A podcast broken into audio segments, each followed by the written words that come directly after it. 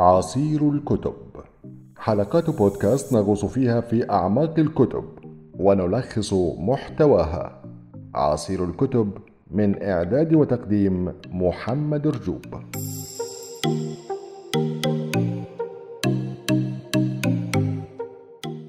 نستعرض وإياكم ملخصا جميلا لأبرز محتوى لكتاب الرجال من المريخ والنساء من الزهرة لمؤلفه جون جري. يعتبر كتاب الرجال من المريخ والنساء من الزهرة دليلا ارشاديا لتقوية علاقات الحب بين الأزواج. إنه يظهر كيف أن الرجال والنساء مختلفون في كافة قطاعات حياتهم. فالرجال والنساء ليسوا فقط يتواصلون بطرق مختلفة ولكنهم يفكرون ويشعرون ويستوعبون ويستجيبون وكذلك يحبون بطرق مختلفة. إنهم تقريبا يبدون كما لو أنهم من كوكبين مختلفين ويتكلمون لغتين مختلفتين ومن هنا جاءت فكرة تسمية الكتاب بهذا الاسم والذي أشار فيه الكاتب إلى الرجال بأهل المريخ والنساء بأهل الزهرة.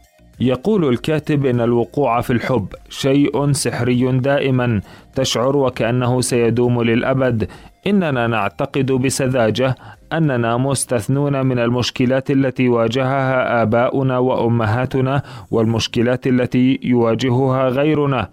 ولا يوجد لدينا احتمال بأن الحب قد يموت لكن مع الوقت يبدأ سحر الحب في التقهقر وتكون الغلبه للحياة اليومية.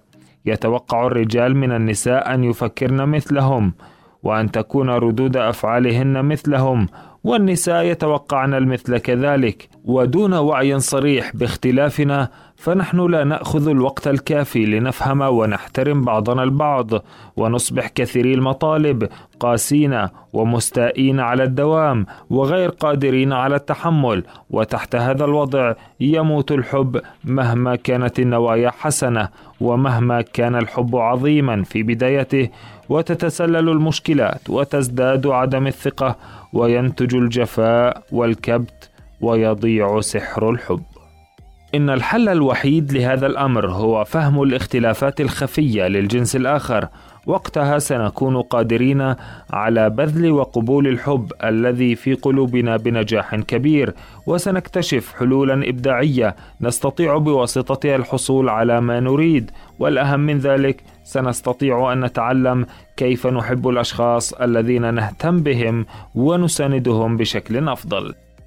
ويضيف الكاتب إن أكثر شكوى تعبر عنها النساء من الرجال مفادها أن الرجال لا يستمعون فإما أن يتجاهلها الرجل كليا عندما تتكلم أو ينصت لها لثوان معدودة ثم يرتدي قبعة الخبير ويقدم لها حلا لمشكلاتها من وجهة نظره ليجعلها تشعر بتحسن ولكنه يجد أنها لا تقدر الأمر ورغم أنها تكرر دائما أنه لا ينصت فإنه لا يشعر أن تلك هي المشكلة. هو يظن أنها تريد حلولا بينما هي لا تريد سوى التعاطف. وكذلك فإن أكثر شكوى يعبر عنها الرجال من النساء هي أن النساء يحاولن دائما تغييرهم. فعندما تحب امرأة رجلا تشعر أنها مسؤولة عن معاونته ليتطور وتحاول مساعدته لتحسين طريقة عمله للأشياء. ومهما قاوم الرجل فإن المرأة لا تكف عن ذلك فهي تظن أنها تنميه بينما هو يعتبر ذلك نوعا من التحكم وأنه ينبغي عليها أن تتقبله على ما هو عليه.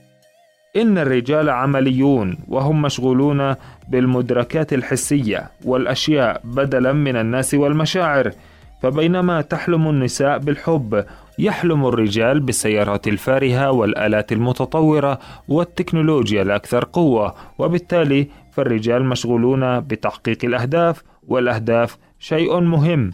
بالنسبة للرجل لأنها وسيلته للبرهنة على مقدرته على قوته وفهم تلك الصفة المريخية يمكن أن يساعد النساء في فهم لماذا يقاوم الرجل بشدة محاولة تصحيح الأمور أو إخبارهم بما يجب أن يفعلوا، لأنهم حساسون جدا تجاه هذا الأمر، ولكن إذا احتاج الرجل للمساعدة حقا فهو سيتحدث إلى شخص ما للتوصل إلى حل لمشكلته، لذلك عندما تبوح المرأة بمشاكلها فهو يقوم بوضع قبعة الخبير وتقديم الحلول لمشاكلها ظنا منه أنه يساعدها بهذه الطريقة، لكن الأمر ليس كذلك فهي تحتاج فقط أن تشعر أنها مدعمة عاطفيا.